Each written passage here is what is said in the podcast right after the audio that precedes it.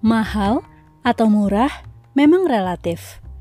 Relatif dari sumber yang dimiliki, relatif dari cara pandang, relatif dari harga pasaran, dan lain sebagainya. Untuk sebuah barang atau jasa, umumnya memiliki harga pasar. Harga rata-rata, harga pada umumnya. Jika di atas harga rata-rata, berarti kemahalan. Tapi umumnya orang-orang menoleransi harga tersebut bila sebanding dengan rasa, kualitas, atau kepuasan pelayanan dari jasa tersebut. Sebaliknya, jika harganya di bawah rata-rata dengan rasa atau kualitas standar, pun memiliki pangsa pasar tersendiri. Berpikir, wajarlah ada harga, ada rupa. Udah jadi konsekuensi.